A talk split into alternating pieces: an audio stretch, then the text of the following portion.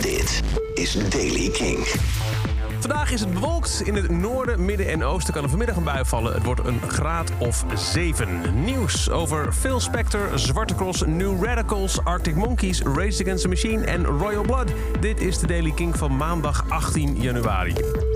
Op 81-jarige leeftijd is de legendarische producer Phil Spector overleden. Waarschijnlijk naar aanleiding van gevolgen van het coronavirus.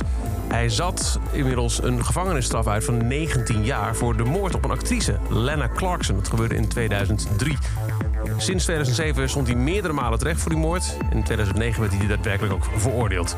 Spectre werd bekend doordat hij de grote Wall of Sound ontwikkelde. Een techniek waardoor nummers werden geproduceerd met een compleet nieuwe, volle sound. En dat deed hij onder andere voor de Beatles, Ike Tina Turner, Leonard Cohen en The Ramones. En mede dankzij Spectre werd ook Let It Be, het Beatles-album uit 1970, een gigantisch succes.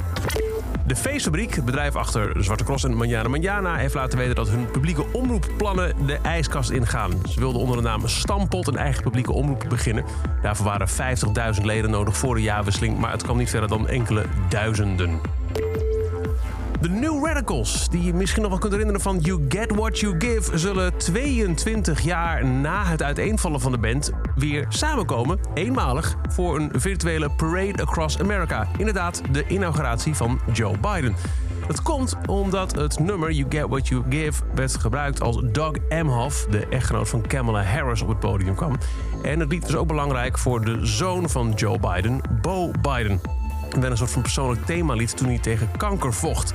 Vooral de zin This whole damn world can fall apart, you'll be okay, follow your heart was heel belangrijk voor hem. En dat werd ook meermalen genoemd in het boek Promise Me Dad dat Joe in 2017 publiceerde. De New Radicals is eigenlijk maar één man, Greg Alexander. En die heeft gezegd: als er één ding op aarde is waardoor we de band mogelijk bij elkaar zouden krijgen, al is het maar voor één dag, dan is het de hoop dat ons nummer het kleinste baken zou kunnen zijn van licht in een donkere tijd als deze. De voormalige bassist van Arctic Monkeys, Andy Nicholson, heeft zijn oude maatje Matt Helders, nog steeds drummer van de band, opgeroepen voor een lockdown-project. Eerder deze maand vroeg hij wie wilde meedoen aan het project via social media. Laten we gewoon op afstand wat muziek maken en dan zien we wel wat we doen. Nou, een van die mensen was dus Matt Helders. Heeft hij zojuist uh, bekendgemaakt in een uh, live Instagram. Dus er komt binnenkort nieuwe muziek uit van Andy Nicholson met hulp van Matt Helders.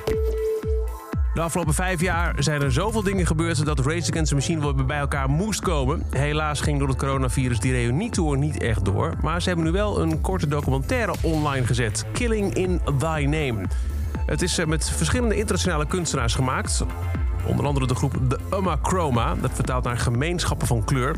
En het is bedoeld als een, een, een reddingsboei uit de fictie die bekend staat als witheid en bron voor ontdekking. Je ziet uh, beelden van een leraar en een aantal schoolkinderen die leren over de duistere geschiedenis van slavernij in het Westen. En het concept van wit in de context van Amerika. En Killing in the Name wordt regelmatig dan te horen gebracht in de video om te eindigen met een live uitvoering van de band van dit legendarische nummer.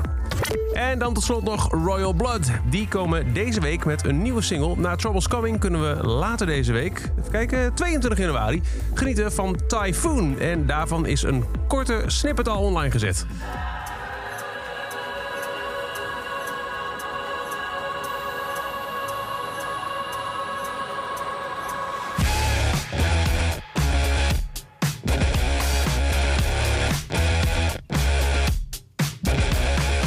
En dat is het, meer nog niet. 22 januari weten we dus meer, over vier dagen. Tot zover deze editie van de Daily Kink. Elke dag er een paar minuten bij met het laatste muzieknieuws en nieuwe releases. Niks missen? Abonneer je dan op deze podcast via je favoriete podcastplatform... of check elke dag de Kink-app, dan wel kink.nl. En voor meer muzieknieuws en nieuwe releases... luister je elke doordeweekse avond tussen 7 en 10 naar Kink in Touch met Jasper Leidens. Elke dag het laatste muzieknieuws en de belangrijkste releases in de Daily Kink. Check hem op kink.nl of vraag om Daily Kink aan je smart speaker.